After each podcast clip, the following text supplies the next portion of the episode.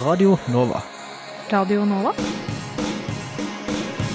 Du hører nå en podkast fra Radio Nova.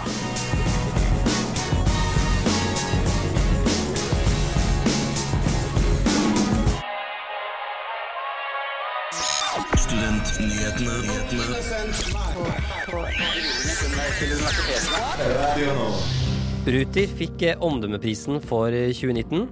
I dag er det Black Friday. Og eh, du skal få en rekke godbiter fra året som har gått. Det er nemlig da klart for en hel time med Studentnyhetene i dag med Ingar Jakob Feiring og Magnus Tune. Solen skinner ute, og det er jo ja, rimelig kjølig, men det skal bli kjøligere i helga. Men eh, før været så skal vi ha nyhetsoppdatering.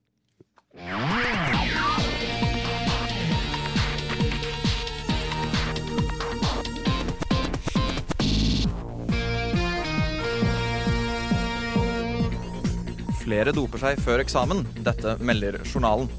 Særlig ADHD-medisinen Ritalin er misbrukt eh, blant studenter som tar dop for å prestere bedre både før og under eksamen. Statens legemiddelverk advarer mot bruken da det kan ha bivirkninger som depresjon og psykose, og kan føre til fengsel inntil to år dersom man ikke lider av sykdommen der medisinering er nødvendig. Gullstrupen er en del av studentfestivalen Musikal i Teten, som er arrangert av studenter ved Musikkhøy Musikkteaterhøgskolen. Musikalen omtales som verdens første pornomusikal, og ble to uker før premieren forlanget avlyst av rektor ved Høgskolen Kristiania, Arne Krumsvik. Dette skriver Universitas. Krumsvik begrunner valget med at de ikke kunne sikre studentene et trygt læringsmiljø. Høgskolen Kristiania gjennomførte en juridisk vurdering i samarbeid med advokatfirmaet Elden, som kom fram til at stykket ikke var lovstridig. Jurist og ekspert på ytringsfrihet Vidar Strømme ved advokatfirmaet Skjøtt mener at rektor Krumsvik kan ha gått utover de rammene som ytringsfriheten tillater. Andelen midlertidig ansatte i universitets- og høyskolesektoren har falt de siste ti årene og ligger nå på 13,7% Dette skriver forskning.no. Iselin Nybø, minister for forskning og høyere utdanning, er glad for at tallene går i riktig retning. Andel, andelen midlertidig ansatte økte derimot ved ni institusjoner i 2019, og Samisk høgskole har per dags dato den høyeste andelen med 29,7% midlertidig ansatte. Dette var ukas nyhetsoppdatering ved Magnus Tune.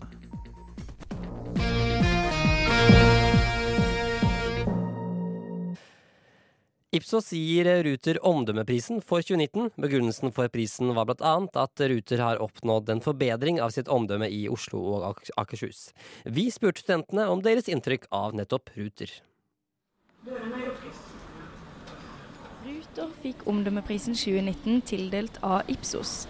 Tidligere har Ruter hatt et dårlig rykte, og mange har merka forsinkelser. Men nå er kollektivtransport et satsingsområde i det nye byrådet. Tall fra Ipsos viser at Ruter sitt omdømme har endra seg, og at mange flere i dag har gode opplevelser knytta til Ruter. Vi har spurt studentene på Oslo OsloMet om hvilket inntrykk de har av Ruter. Jeg har et veldig godt inntrykk. Syns de gjør veldig grei rolle med det de gjør. At det er veldig bra tilbud, og at eh, alle bruker det, som ellers ville kjørt bil. Inntrykket mitt er at eh, jeg syns de har et godt tilbud. Hva er det særlig du liker med Ruter? Nei, eh, De går ofte, pålitelige, og det er veldig lett å vite når og hvor kollektivtransporten går fra. Eh, at det går buss og trikk og T-bane nesten hvor som helst i Oslo, uansett hvor det er. Jeg liker at eh, bussene går ofte, og at det alltid er Ja, det går både buss på natt og på dag. Er det noe som irriterer deg med Ruter? Det er mye som irriterer med Ruter, og det er vel egentlig det jeg sa nå i stad. er at Når det først går stopp, så syns jeg det er veldig dårlig på å gi ut informasjon om hvorfor det går i stopp, og hvor lenge det kommer til å gå i stopp. Og de har slitt litt med kommunikasjonen der. Ja, forsinkelser, da, spesielt på vinteren. Det irriterer meg at eh, det ofte kan være forsinkelser, spesielt hvis det blir snø og dårlig vær. Det kunne vært bedre nattilbud til Bærum. På en mail svarer Ruter at de har økt og forbedra tilbudet sitt de siste årene. Bl.a. har det blitt flere avganger, og det har blitt enklere med mobilbillett. Tilbudene som retter seg spesielt mot studenter, er at de får rabatt på 30-dagersbilletten. Rabatten er satt av Samferdselsdepartementet. Og de får utvidet nattbusstilbud. Videre skriver Ruter at utfordringene deres framover blir å opprettholde det gode omdømmet de har fått, og utvikle tilbudene videre. Og hva er det du tenker er spesielt viktig for studenter når det gjelder kollektivtilbud? Jeg tenker at Tilgjengeligheten er en veldig undervurdert ting. Så i tillegg er jo prisen selvsagt viktig. Jeg tenker at prisen er veldig grei som den er. 450 kroner. Alle har råd til det hvis de velger å ta seg råd til det. det prisen er eh, noe som alle har mulighet til å betale. Den er kanskje litt høy, men det må jo koste litt. fordi du, har et stor, du kan jo bruke så trikk og buss og T-bane som du vil. Men eh, for noen er det kanskje litt dyrt. At de kan senke prisene litt, sånn at det er billig for oss å kjøpe månedsbillett. Det var vår reporter Anna Tørresen som intervjuet studentene på Oslo OsloMet. De var alle opptatt av at prisen er et viktig når det gjelder kollektivtilbud. Det er jo snart helg, men er det ikke en eller annen sånn spesiell eh, fredag i dag? er det ikke det? Jo, det stemmer, Magnus, for i dag er selvst den store dagen kommet, med en rekke superlekre tilbud i alle butikker. Selveste Black Friday er her. Og en kommer studentene på Oslo OsloMet til å kjøpe nye ting? Hør her, nå. Når jeg spør fem tilfeldige studenter på Oslo OsloMet om hva de skal handle på Black Friday, er dette svaret jeg får. Jeg skal ikke kjøpe noe på Black Friday. Det er ingenting jeg har planlagt å kjøpe, men eh, jeg tenker å gå en tur og se hvilke tilbud de har. De kan jo plutselig ha et knalltilbud som man bare er nødt til å slå til på. Har du tenkt til å kjøpe noe på Black Friday? Nei, jeg kommer ikke til å kjøpe noe på Black Friday. Kommer du til å kjøpe noe? Nei, jeg har ikke planer om det. Hva skal du kjøpe på Black Friday? Jeg har liksom tidligere vært, kjøpt noen ting på Black Friday og blitt litt sånn revet med av tilbudene, men så med årene har jeg blitt litt mer bevisst på eh, det at man bare ser tilbud og kanskje blir litt sånn ivrig pga. det og får lyst til å kjøpe ting litt sånn uten å tenke seg om. Og at det er egentlig spesielt lite miljøvennlig og bærekraftig da, å bare investere ting fordi det er billig, ikke nødvendigvis fordi man trenger det. Så jeg har blitt mer opptatt av å tenke gjennom nøye da, om det er noe jeg faktisk vil ha, og så på en måte sjekke ut tilbudene på forhånd før jeg drar og kjøper noe, så ikke jeg bare går inn i butikken og bare hiver meg løs, på en måte.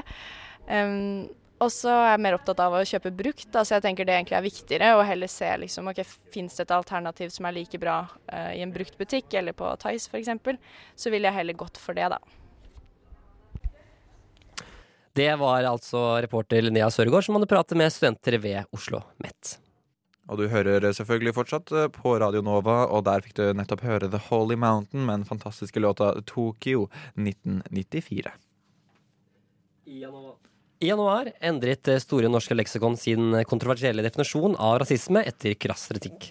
SNL ble beskyldt for å bygge opp under rasistiske vrangforestillinger og for å spre uvitenskapelige myter.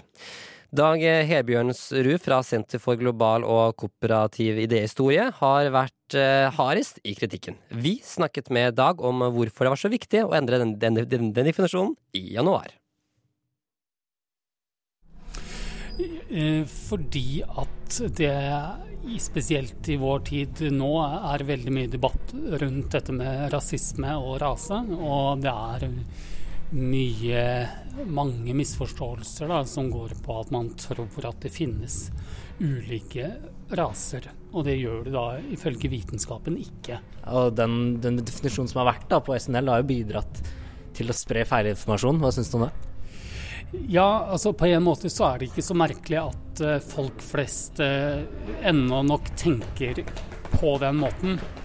At uh, at, eh, at, eh, menneskene kan deles opp i sånn en asiatisk, europeisk, afrikansk rase. Da. Mm. Det, den tanken har jo uh, holdt seg nå i 250 år, siden den oppsto på 1700-tallet. Så det er veldig mm, Det tar lang tid å fjerne den ideen. Det er jo ikke gjort i en håndvending, altså. Det er 250 år som vi mm, nå må få gjort noe med. Og så er det jo nå først, faktisk, Eh, rundt år 2000 at DNA-forskningen kunne fastslå det man har eh, egentlig kunnet uh, antyde og har sagt egentlig siden Hitlers tid, da, at, at, dette ikke finnes. Og det har man nå vitenskapelig bevist. Og, men det vil jo ta lang tid. Og man må være veldig tydelig, for man må jo få oppdratt en ny generasjon da, med mennesker da, til å forstå dette. Jeg bladde opp den en gammel versjon. Der står det svart på hvitt at ras rasisme er mindre utbredt i dag. Stemmer det? Nei, eh, det var det som stod, ble lagt inn i 2014. Og eh, det er jo veldig skummelt å skrive det i et leksikon, da, må jeg bare si. Var det viktig at eh, denne artikkelen skulle påpeke veldig, veldig, klart og tydelig at det, det er ikke noe biologisk kvalitet for dette begrepet, og det rase? Ja, og det har de klart å gjøre med den nye artikkelen nå. Nå har de vært veldig tydelige på det, slik som de er i British Encyclopedia f.eks. Da er de også veldig tydelige på at dette er en vrangforestilling, dette er fantasi, eh, og har ikke noe med vitenskap å gjøre. SNL endret eh, deres definisjon av rasisme i januar. Dag Herbjørnsrud Helbjørnsrud fra Senter for, glo for global og komparativ idéhistorie var det som ble intervjuet i saken, og reporter var Håkon Christoffersen.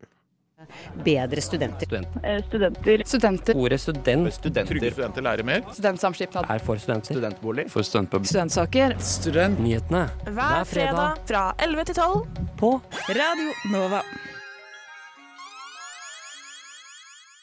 Brexit har vært en aktuell sak hele dette året. I februar i år så gikk forsknings- og høyere utdanningsminister Iselin Nybø ut og advarte studenter mot å dra på utvikling til nettopp Storbritannia. Vi pratet da med president i eh, ANSA, nemlig Hanna Flod, og organisasjonen for studenter i utlandet om dette temaet. ANSA ønsker verken å anbefale studier i Storbritannia eller fraråde mot eh, studier i Storbritannia. Og dette gjelder da spesielt eh, Erasmus fordi Erasmus da er et EU-program. Eh, e og Erasmus sin fremtid er usikker, siden EU, Storbritannia og EU sin fremtid er usikker. Nybø sa at det gjaldt reiser for under et år, da altså utvekslingsstudenter. Hva er forskjellen på å reise i et semester, et skoleår, og det å ta hele utdanninga si der? Eh, det er jo spesielt denne Erasmus-utvekslingen som er problematisk, fordi dette her er en EU-avtale. Og man er veldig usikker på hva som vil skje med Erasmus om EU om UK forlater EU uten en avtale, og om dette Erasmus-opplegget vil bestå. da. Men siste nytt er jo at kommisjonen ønsker å få på plass en ordning sånn at man kan fullføre Erasmus-programmet selv om man er i Storbritannia når UK forlater EU. Eh, hun sa jo også at eh, de som reiser på utveksling til høsten, kan risikere å ikke få fullført studiene eller å ta eksamen. Eh, er det noe risiko for de som allerede er der og studerer f.eks. dette semesteret? De vil jo mest sannsynlig bli ferdige før Storbritannia går ut av EU. Så jeg er ikke sikker på om det er en problemstilling akkurat nå. Det er vel eh, mer usikkerhet knyttet rundt til de som eh, ønsker å dra til Storbritannia og om da de eventuelt burde se til andre land. Du fortalte til NRK at eh, både Erna Solberg og Teresa May har sagt at eh, norske beboere i Storbritannia og britiske beboere i Norge eh, vil beholde de samme rettighetene som de har i dag om de befinner seg i landet ved brexit. Gjelder det da også for studentene? Vi ser ikke for oss et scenario hvor studenter blir kastet ut av landet den dagen Storbritannia forlater EU. Så de vil fortsatt få lov til å bli der. De vil få trygderettigheter. Um, problemet for andre studenter fra EU er jo at de muligens får ekstremt mye høyere skolepenger. Men nordmenn per i dag betaler allerede internasjonale skolepenger i Storbritannia. Og det er ikke noe vi tror kommer til å endre seg. Så den endringen som kan skje, den blir for utvekslingsstudenter, og ikke de som tar en hel grad? Ja, og da spesielt Erasmus-studentene. Hvis man er på en bilateral, avtale, så vil jo det være noe annet igjen, ikke sant. Um, men det med helgradsstudentene, da, uh, det er jo også at de får støtte fra Lånekassen altså, Hvis de får støtte fra Lånekassen, da, så vil ikke det endre seg etter brexit heller. De vil fortsatt få støtte til de samme utdanningene som de får i dag. Det er jo bare ei uke igjen til søknadsfristen går ut. Hva vil dere i ANSA si til studenter som vurderer å søke seg på utveksling til Storbritannia nå til høsten? Vi vil anbefale å følge nøye med på situasjonen og se hva som skjer, og hva som skjer i EU. Eh, e og om det blir en avtale om at Rasmus eh, består selv om Storbritannia går ut av EU. Og så vil vi anbefale studentene å tenke seg nøye om om eh, de kanskje vurderer å, kan vurdere å dra et annet land da, hvis de ikke ønsker å ha den usikkerheten. Dette var altså et gjenhør med president Jansa Hanna Flod, som eh, snakket med reporter Celine Stensrud i februar. Brexit er også utsatt og forventes å gjennomføres i starten av 2020. Og har du begynt på et Erasmus-program, så du, skal du kunne ta det helt ut. Mat og økonomi er et tema som kommer opp stadig vekk. Og nå i det siste har matsvinn vært et brennhett tema. En av de som har stort fokus på dette temaet, er Karen Elene Thorsen, jenta bak brukeren fattig punktumstudent på Instagram. Hun har nesten 70 000 følgere og var nominert til Vixen Influencer Awards i matkategorien i 2018. Vi har gleden av å si velkommen til deg her, Karen Elene Thorsen. Hallo. Hei, hei. Kan ikke du fortelle oss litt om deg selv? Ja, eh, Karen Elene Thorsen, 21 år gammel fra Flekkefjord. Eh, går førsteåret på en bachelor som heter livsstilsendring og folkehelse. Veldig spennende. Eh, for de som ikke har fått det med seg, så har du jo en Instagram-konto. Kan du fortelle litt om hva du legger ut på denne kontoen? Ja, altså Instagram-kontoen heter fattig.student eh, nettopp fordi at jeg er en fattig student, da. Eh, Starta Instagram-kontoen for ca. et år siden, eh, når jeg flytta hjemmefra og skulle spare penger til å reise. Og så ja, så er jo jeg opptatt av eh, helse og ernæring og sånt, så jeg vil ikke at det skal gå utover kosten heller, selv om jeg skulle bruke så lite penger som mulig. Det høres jo veldig lurt ut. Jeg har jo sett litt mm. på Instagram-kontoen din, den er jo veldig fin. Eh, og så tenkte jeg liksom bare på det, hvordan kom du opp med en idé å starte en sånn konto? Ja, det er et godt spørsmål. Altså, jeg, jeg gjorde jo dette her for meg sjøl, og min eh, daværende kjæreste jeg bodde sammen med, da at uh, målet var på en måte at vi skulle bruke så lite penger som mulig. Um, og så sendte jeg litt snap til familie og venner, og de syntes jo at uh, jeg var veldig flink. De skjønte ikke helt hvordan jeg fikk det til. Og da satte vi den ideen at dette her er jo kanskje noe flere har bruk for. Og det syns jeg jo er veldig gøy at kontoen faktisk har blitt så stor uten at jeg har reklamert noe som helst for den. Ja, det er jo veldig gøy. Mm. Eh, og du legger jo ut veldig mange fine tips også. Eh, for du, legger jo ut eh, menyer nesten hver eneste uke. Kan du fortelle litt om den prosessen? Ja, prosessen den er egentlig ganske lang. Jeg driver og eh, skriver ned Ofte så starter jeg med én middag som jeg har lyst på, da. Skriver ned ingrediensene til den. Um, og så sjekker jeg hvor mye av hver ingrediens som er igjen etter jeg har lagd middagen. For det jeg må finne ut av da, det er at middagen dagen etterpå må inneholde de resterende ingrediensene fra middagen dagen før. Og det er sånn det blir billig, da. Eh, men så er det jo litt det der med at når man skal planlegge så langt frem i tid, mm. så er det jo kanskje litt sånn Kommer jeg til å ha lyst på det her på fredag når jeg tenkte på det for to uker siden? Hvordan er det å spise noe så lenge etter at du har planlagt det? ja, det er faktisk veldig mange som ikke helt skjønner det, for de vet jo ikke hva de har lyst på til middag før, eh, rett før de skal spise middag, nesten. Men eh, nei, jeg blir jo vant til det. Og så det at jeg sitter og planlegger dette her på søndagen, da, og kjøper inn eh, mandagsmorgen Så jeg går jo rundt og gleder meg på torsdagen eller fredagen til den siste middagen, fordi jeg har jo planlagt hvordan, hvordan den skal være. Og når, når, du vet at du skal spise det, så går du rundt og gleder deg. Det er jo akkurat det samme som at man gleder seg til fredag, for da skal man spise taco, for eksempel. Ja, ikke sant. Eh, og så er det jo sånn at eh, vi på, som jobber her på Nova, vi jo, gjør jo litt det som du sier, da, at vi sliter litt med å finne ut hva vi vil ha på forhånd.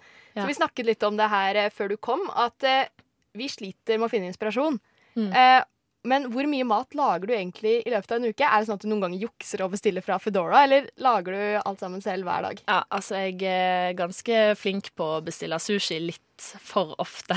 Det er bra det ikke bare er oss. Nei da. Nei, så det går jo utover eh, økonomien, og da ender jeg opp med som regel uker før jeg får stipend, da da er det ganske lite penger igjen på konto uansett hvor hardt jeg prøver. Så da har jeg ofte noe sånn middag på tomt kjøleskap og prøver å bare bruke de restene jeg har.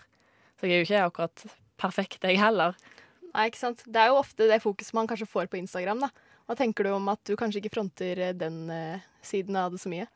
Ja, nei, altså Jeg legger jo ut ting som skal gi inspirasjon, da. Og um, det er jo matoppskrifter de fleste vil ha. Men på Story så legger jeg jo ofte eh, ut eksempel at ja, nå har jeg dritlite penger, for jeg brukte for mye penger på nattmat, det var ute i går, ikke sant. Og jeg prøver å vise litt den, den sida òg, da. Er det absolutt. Men eh, tjener du noe penger på den Instagram-kontoen din, eller blir du finansiert av bare stipendet? Du, akkurat nå så har jeg faktisk ikke Per dags dato har jeg ikke tjent en eneste krone. Um, men uh, ja, det blåser jo veldig opp rundt meg, og noe som er utrolig gøy. Uh, så jeg får masse tilbud hver dag, og veldig mange som vil ha tak i meg. Um, men uh, jeg er veldig kresen på hva jeg sier ja til. Men hvis du bare skal gi noen sånne konkrete tips til å være økonomisk når man handler, hva ville du sagt da? Ja, altså Først og fremst planlegg handleturen. Det er jo det viktigste. Du trenger jo ikke å sette opp de her sinnssyke ukemenyene jeg lager, men bare planlegg hva du skal noenlunde ha, fordi da kan du se i kjøleskapet og i kjøkkenskapet hva du har liggende. Og eh, spis opp alt du kjøper inn. Det er veldig gode tips. Eh, tusen hjertelig takk for at du kom, Karen Helene Thorsen, og lykke til videre med kontoen din. Tusen takk for at jeg kunne komme. Og det skal meldes om at eh, Fattigstudent sin Instagram-konto har godt gått over doblet og har nå nesten 200 000 eh, følgere. Reporter i saken var Josefine Ytre Eide Bjørstad. Men 8111 kroner. Det er så mye en student får i stipend hver eneste måned, men hva bruker egentlig studentene disse pengene på?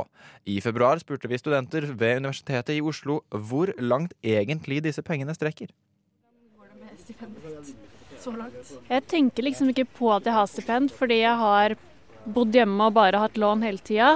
Men jeg tenker på det som en del av inntekten min, og det utgjør jo litt over halvparten av hva jeg får inn hver måned. Det, det bare regner det som en inntekt. Jeg må kanskje huske at det skal tilbake en gang. Men uh, Så jeg har ikke noe budsjett, men jeg fører ganske nøye regnskap på slutten av måneden. Fordi det er litt morsomt å følge med på. Det som av og til blir overraskende mye, det er jo hobbyting. Ja, og så har jeg ganske nylig fått meg katt. Det har blitt en god del tusen, men uh, jeg bare trøster meg selv med at jeg oppstartsutgifter. Du skal ikke kastrere katt og kjøpe kattekasse så mange ganger. Vi har jo nettopp fått stipend. Hvordan går det så langt? Nei, det går greit. Må si hva du kjøpte, da. Nei, det har vært mat og en synthesizer. Rolig 10 000 rett ut. Ja, nei, storstipendet, det, det, det gikk til tur til Malaga. Eh, ja, jeg eh, har ikke trengt å bruke så mye penger på bøker, for jeg går fransk årsstudium, så det er ikke så mye bøker bruker ikke, har ikke brukt så mye av pengene, nei. Jeg går lite på mat og egentlig sånne generelle ting. Altså, jeg prøver å spare så mye som jeg kan, sånn at jeg kan kjøpe meg sånne rare ting som f.eks. synthesizer. Da. Ja, jeg òg har eh, budsjett, som jeg prøver å følge det så godt som jeg kan. Ja, jeg har jo kjøpt massasjebenk, da. Den koster 2000 kroner, jo Sjan. Jo da, jo da. Det har jeg også brukt eh, stipendet på. da. Men det trenger man jo. Ja, det gjør man jo. Ja. Yes. Ja, jeg har ikke kjøpt noen sånne syke ting som det der. Nei. Hvordan eh, går det så langt med stipendet dere har fått denne måneden? Eh, jeg brukte det opp på leie, og så har jeg fått lønn som jeg nå har lever på resten av måneden. Jeg er helt forferdelig på forbruk. Egentlig, jeg betaler ganske lite, jeg har samboer. Men eh, jeg klarer allikevel alltid å bruke det opp på mat og ganske kjapt. Litt samme situasjon. Det meste går til husleie. Jeg kombinerer med jobb, så det går egentlig rundt. Hva er det dummeste dere har brukt pengene på? Det er så mange ting. taxi, ja. Man bor ganske sentrumsnært, og så tar taxi hjem. Det er litt sånn, det er tøysete. Jeg klarer meg fint. Klarer meg fint også. Jeg tror ikke jeg har brukt noe særlig av det, egentlig. For jeg har ganske billig, altså, veldig billig husleie. Klarer meg fint uten å måtte stresse masse med liksom, hvor mye kan jeg bruke på alt. Men jeg bruker generelt lite penger sånn Kjøper ikke noe særlig klær eller ting eller sånn. Jeg syns det er helt greit, men jeg jobber jo ved siden av det. I forrige uke kjøpte jeg Carolina Herrera-sko, så det var ganske dumt. Det var lite impulskjøp. De var veldig fine. Eh, Der hørte du altså Nora Johanne Torgersen og Ingar Jakob Feiring som pratet med studentene i februar om hvordan det gikk med deres stipend. I februar tok en av våre reportere turen til Oslo universitetssykehus eh, for å gi blod. og Der fikk han prate med sykepleier for å gi deg litt informasjon om blodgiving. Mitt navn er Toril Aa, og jeg er sykepleier her på blodbanken i Oslo. Hvem er det som kan gi blod? Hvilke krav må man oppfylle? Du må være mellom 18, og vi ønsker jo også at man kanskje melder seg før man eh, er 60-65 år. Så lenge man er frisk og ikke har noen alvorlige kroniske lidelser, så kan de aller fleste gi. Eh, Og jeg tenker at det viktigste er å undersøke om man kan gi, eh, før man tenker at man ikke kan gjøre det. Siste jeg vet, er at vi har vel rundt, tror det er rundt 17 eller 18 000 aktive blodgivere i Oslo i dag. Og det vil si at de har gitt blod én gang i løpet av et året som var tidligere. Eh, I Norge i dag så er det bare 2% av Norges befolkning som gir blod.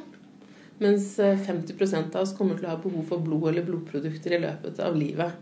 Eh, Så det er klart at vi skulle veldig gjerne sett at flere gir blod.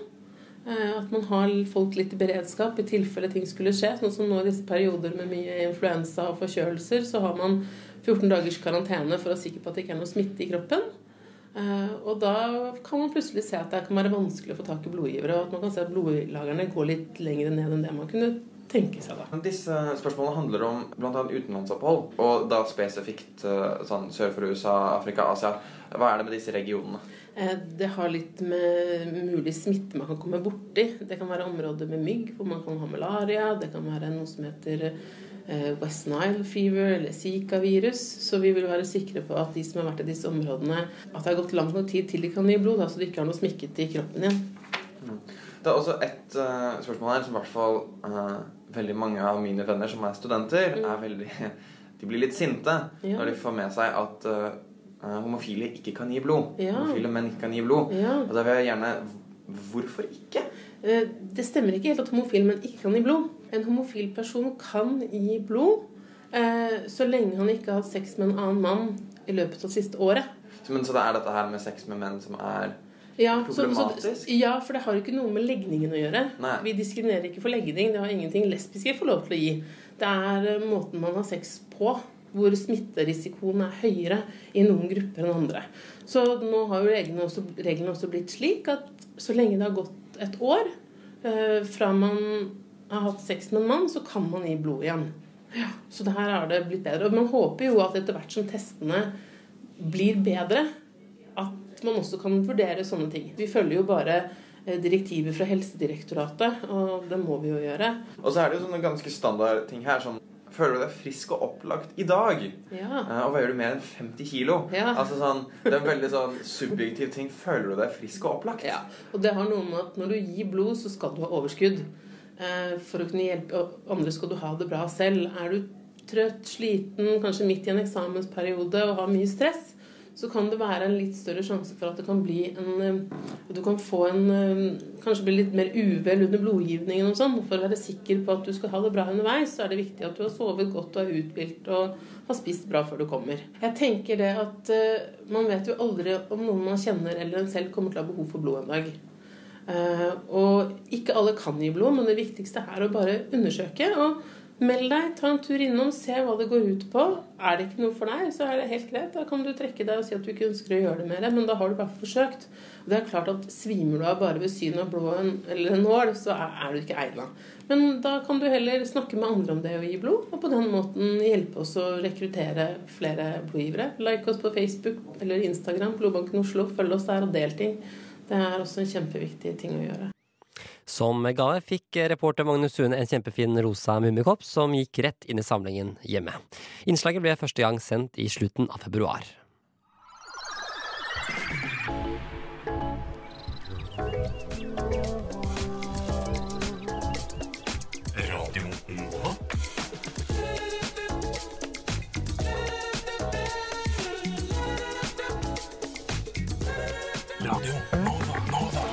24 timer i døgnet, syv dager i uka. DAB, nettspiller og mobil.